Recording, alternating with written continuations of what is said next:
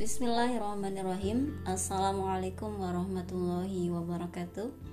Halo sobat semua, jumpa lagi di podcast Muslimah Berbagi. Gimana nih kabar sobat semua? Semoga kabarnya kabar yang baik ya tentunya. Jika diuji oleh Allah, semoga Allah berikan kesabaran dan Allah angkat derajat. Amin ya rabbal alamin. Masih di season tapak tilas peradaban Islam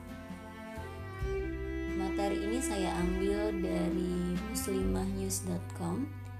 Di episode kali ini kita akan sedikit membahas tentang kota Damaskus yang menjadi tanah harapan di masa lalu dan masa depan. Mau tahu cerita terkait kota Damaskus? Yuk simak podcast berikut ini. Saat ini tak banyak informasi yang bisa diakses melalui media massa Indonesia soal kondisi terakhir kota Damaskus, Suriah. Yang ditemukan hanya berita tertanggal 9 Juli 2021 soal upaya serangan rudal Israel ke kota tersebut. Sejak lebih satu dekade terakhir, Suriah memang telah menjadi arena konflik yang besar dan berkepanjangan. Tak hanya konflik di kalangan internal, tapi juga melibatkan kekuatan dan kepentingan internasional.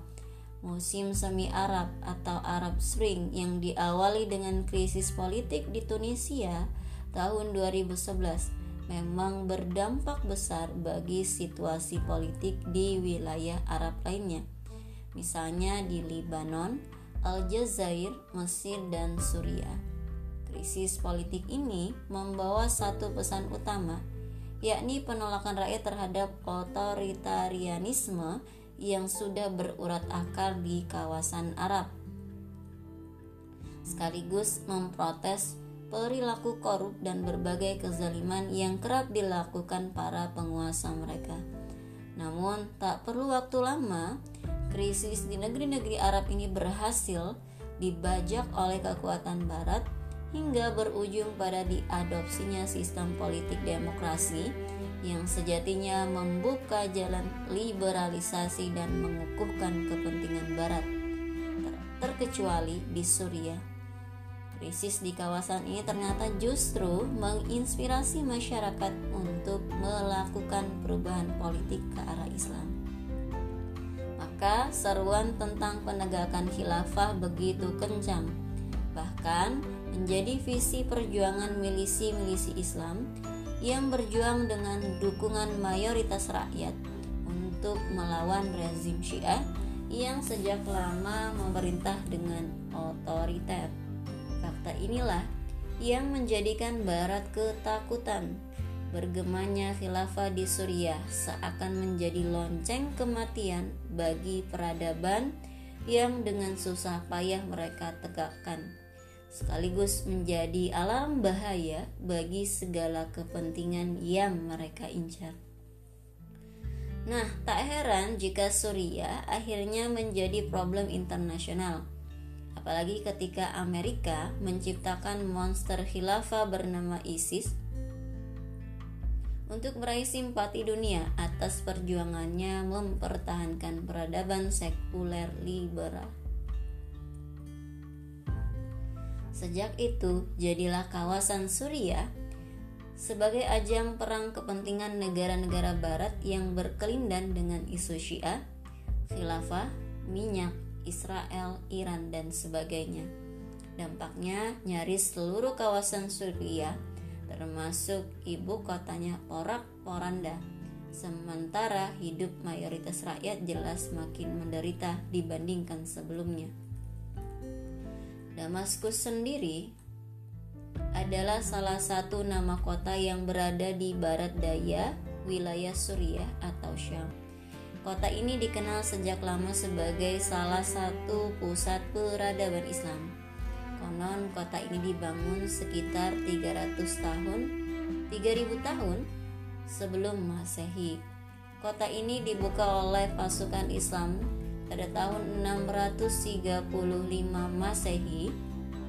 Sejalan dengan pembukaan kawasan Suriah yang saat itu menjadi bagian wilayah kekuasaan Romawi Timur atau Bizantium.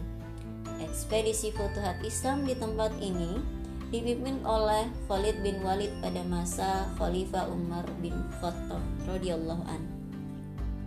Saat kota Damaskus jatuh ke tangan Islam, penduduknya mendapatkan jaminan keamanan baik harta maupun nyawa.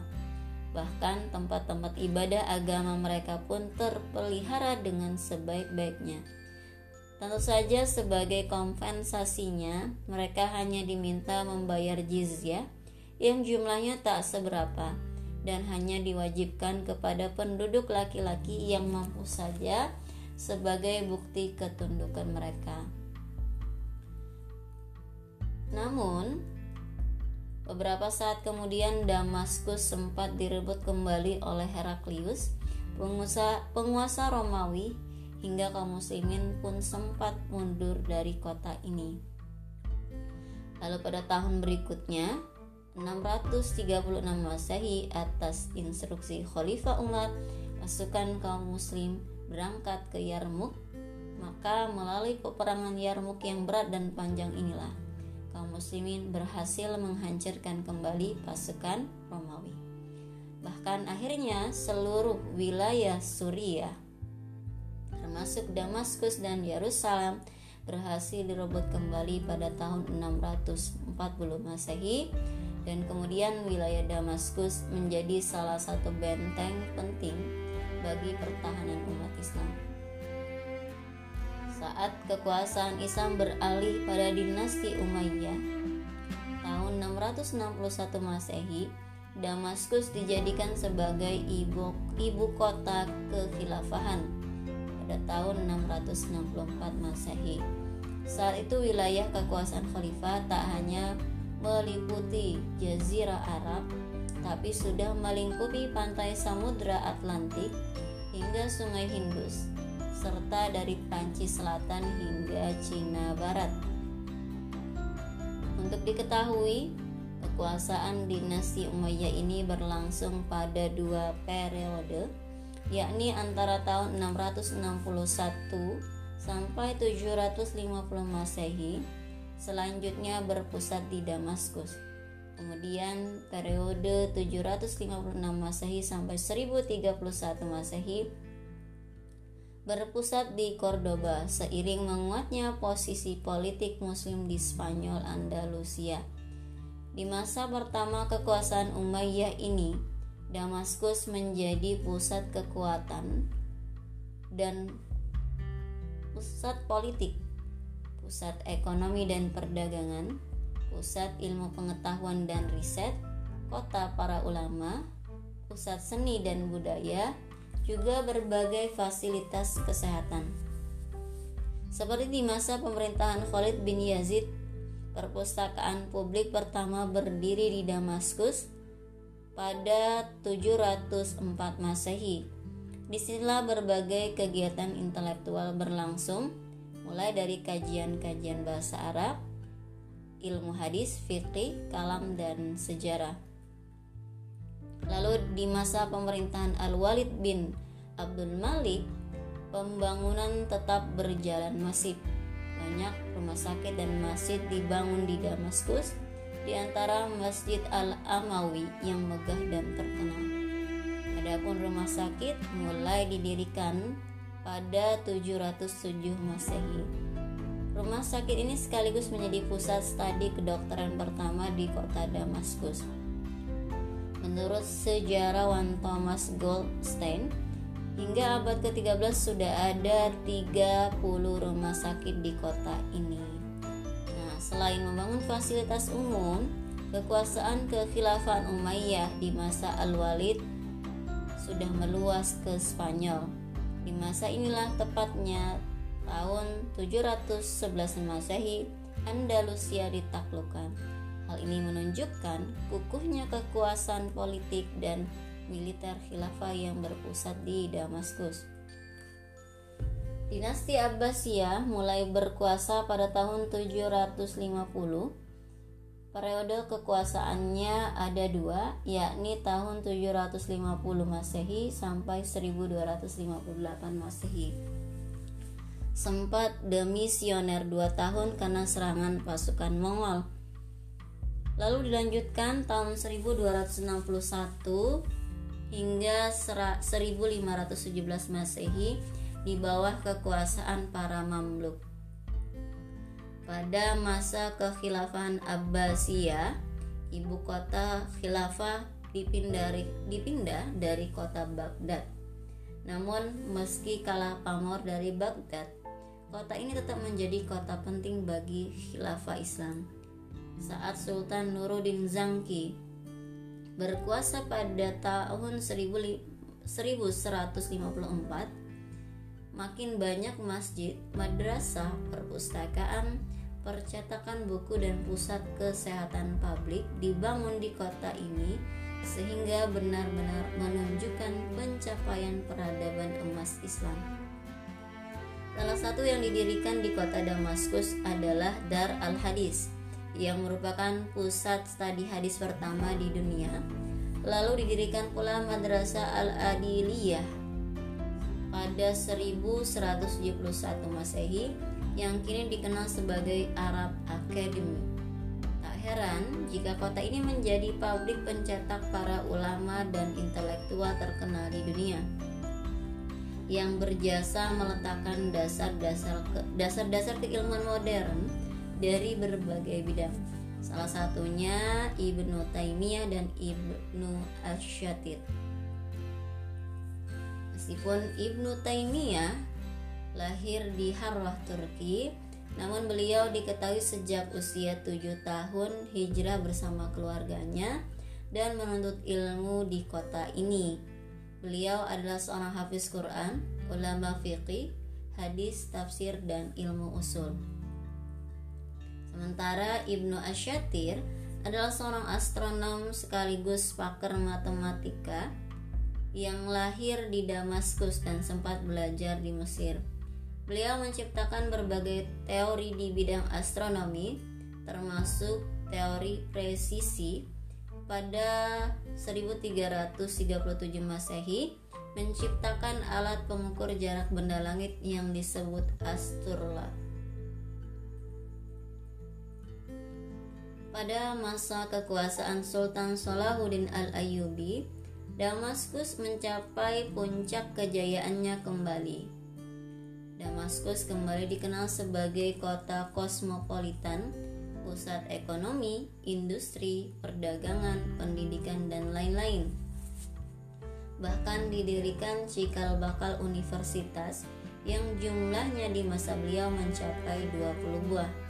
Di masa-masa itu Damaskus betul-betul dikenal seantero dunia sebagai pusat orientasi modernisasi sehingga negara-negara lain banyak yang menjadikannya sebagai mercusuar peradaban mereka.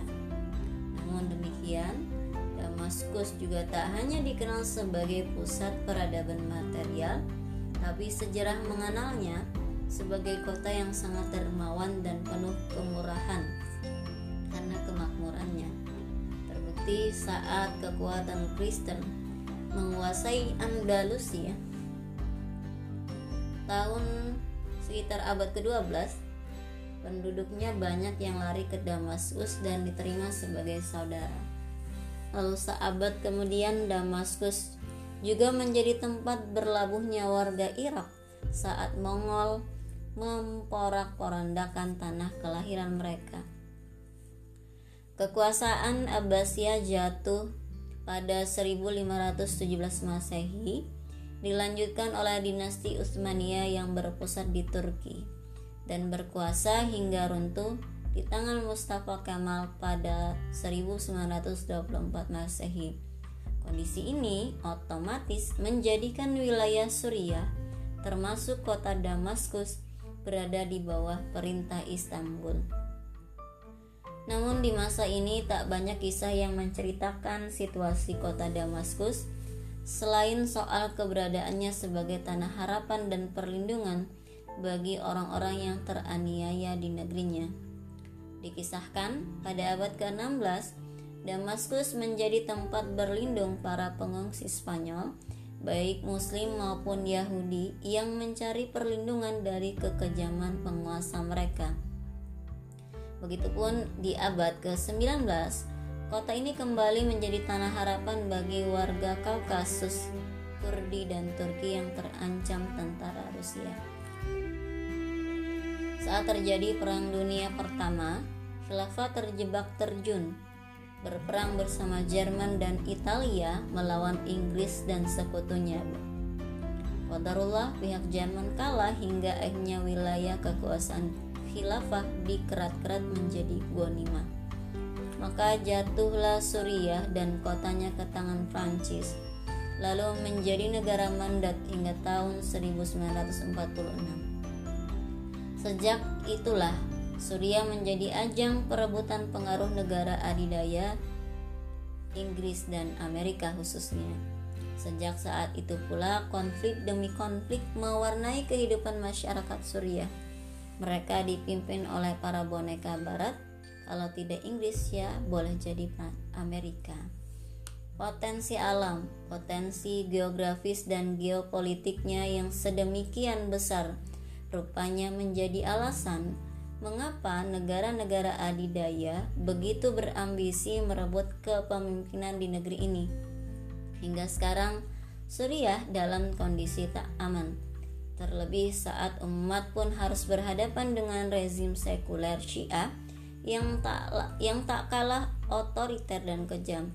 Maka alih-alih bisa mempertahankan posisinya sebagai satu satu mercusuar peradaban, Damaskus Suriah kini kian kehilangan pamor, tertutup debu-debu peperangan yang sewaktu-waktu bisa berulang. Memang kaum muslimin banyak yang percaya bahwa kebangkitan umat Islam akan memancar dari sana. Rasulullah Shallallahu Alaihi Wasallam pernah bersabda, ketika Allah telah mengutus Al-Masih ibnu Maryam maka turunlah ia di menara putih di sebelah timur Damaskus dengan mengenakan dua pakaian yang dicelup dengan waras dan zafaran dan kedua telapak tangannya diletakkan di sayap dua malaikat. Lalu ia menundukkan kepala, maka menurunlah rambutnya, dan jika diangkatnya, kelihatanlah landai seperti mutiara maka tidak ada orang kafir pun yang mencium nafasnya kecuali pasti meninggal. Padahal nafasnya itu sejauh mata memandang. Lalu Isa mencari Dajjal hingga mencapai di pintu, menjumpainya di pintu Lud. Lantas dibunuhlah Dajjal. Kemudian ia datang kepada suatu kaum yang telah dilindungi oleh Allah dari Dajjal. Lalu ia Isa mengusap wajah mereka dan memberitahu mereka tentang derajat mereka di surga. Hadis riwayat Muslim di dalam kitab Al-Fitan wa Ashratis Sa'ah bab zikir ad-dajjal. Namun bicara Rasul ini masih menjadi perkara waib tentunya bagi kaum muslimin sehingga tugas umat hari ini adalah terus berjuang mengembalikan kemuliaan Islam di mana pun mereka berada insya Allah. Dan kelak khilafah Rashida yang dijanjikan akan tegak. Tak hanya menjadikan Suriah dan ibu kotanya Damaskus kembali menjadi negeri yang berkah dan menjadi tanah harapan manusia di masa depan tapi juga menjadikan seluruh negeri Islam sebagai pusat peradaban cemerlang. Wallahu alam bisawab. Demikian podcast Muslimah berbagi hari ini. Salah mohon maaf. Jumpa lagi di podcast selanjutnya.